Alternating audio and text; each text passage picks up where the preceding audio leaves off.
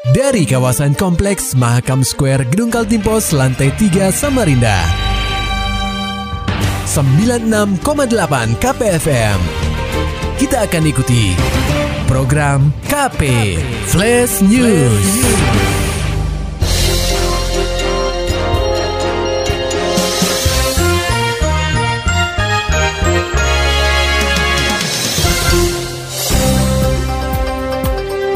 Anda sedang menyimak program KP Flash News bersama saya Agung Pratama. Berita utama. Ratusan masa dari berbagai ormas dan organisasi mahasiswa berbasis Islam menggelar aksi solidaritas membela Palestina di Taman Samarinda Jumat 21 Mei 2021. Dalam orasinya beberapa perwakilan masa tampak mengecam keras aksi negara Israel yang melakukan penyerangan terhadap warga Palestina Terlihat pula Wakil Ketua DPRD Samarinda Subandi menyampaikan orasi di atas mobil komando yang terparkir. Ditemui usai kegiatan, Subandi menuturkan aksi ini sebagai bentuk solidaritas terhadap saudara muslim di Palestina yang secara masif, terstruktur dan berulang-ulang dijajah serta dianiaya oleh Israel. Yang jelas kita menekankan bahwa kembali kepada hak sebuah bangsa itu mempunyai hak kemerdekaan ya yang dijamin oleh konstitusi setiap negara. Itu juga ada dalam kesepakatan piagam piagam PBB ya. Ya tentunya itu tidak boleh dilanggar. Kemudian Palestina ini mestinya sudah lama merdeka. Tapi oleh Israel selalu diulang diulang dan diulang dijajah sedemikian rupa. Ini memantik uh, keprihatinan kita karena kita tahu bersama bahwa Palestina itu kiblat pertamanya umat muslim ya.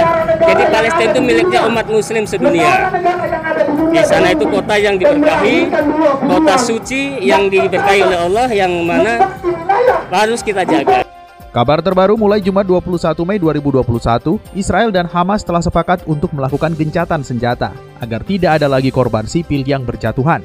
Menyikapi hal tersebut, Wakil Ketua DPRD Samarinda Subandi berharap agar gencatan senjata ini bisa dilaksanakan secara permanen.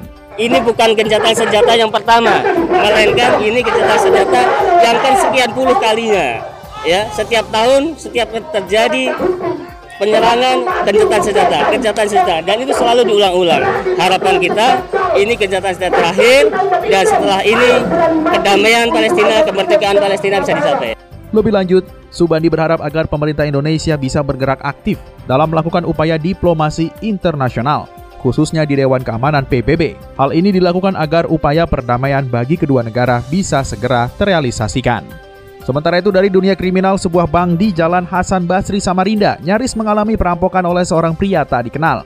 Laporan selengkapnya akan disampaikan reporter KPFM Samarinda, Muhammad Nur Fajar. Seorang pria berinisial JP nekat melakukan percobaan perampokan di sebuah bank di Jalan Hasan Basri, Kelurahan Temindung Permai, Kecamatan Sungai Pinang. Pada Jumat 21 Mei 2021, sekitar pukul 12.30 waktu Indonesia Tengah.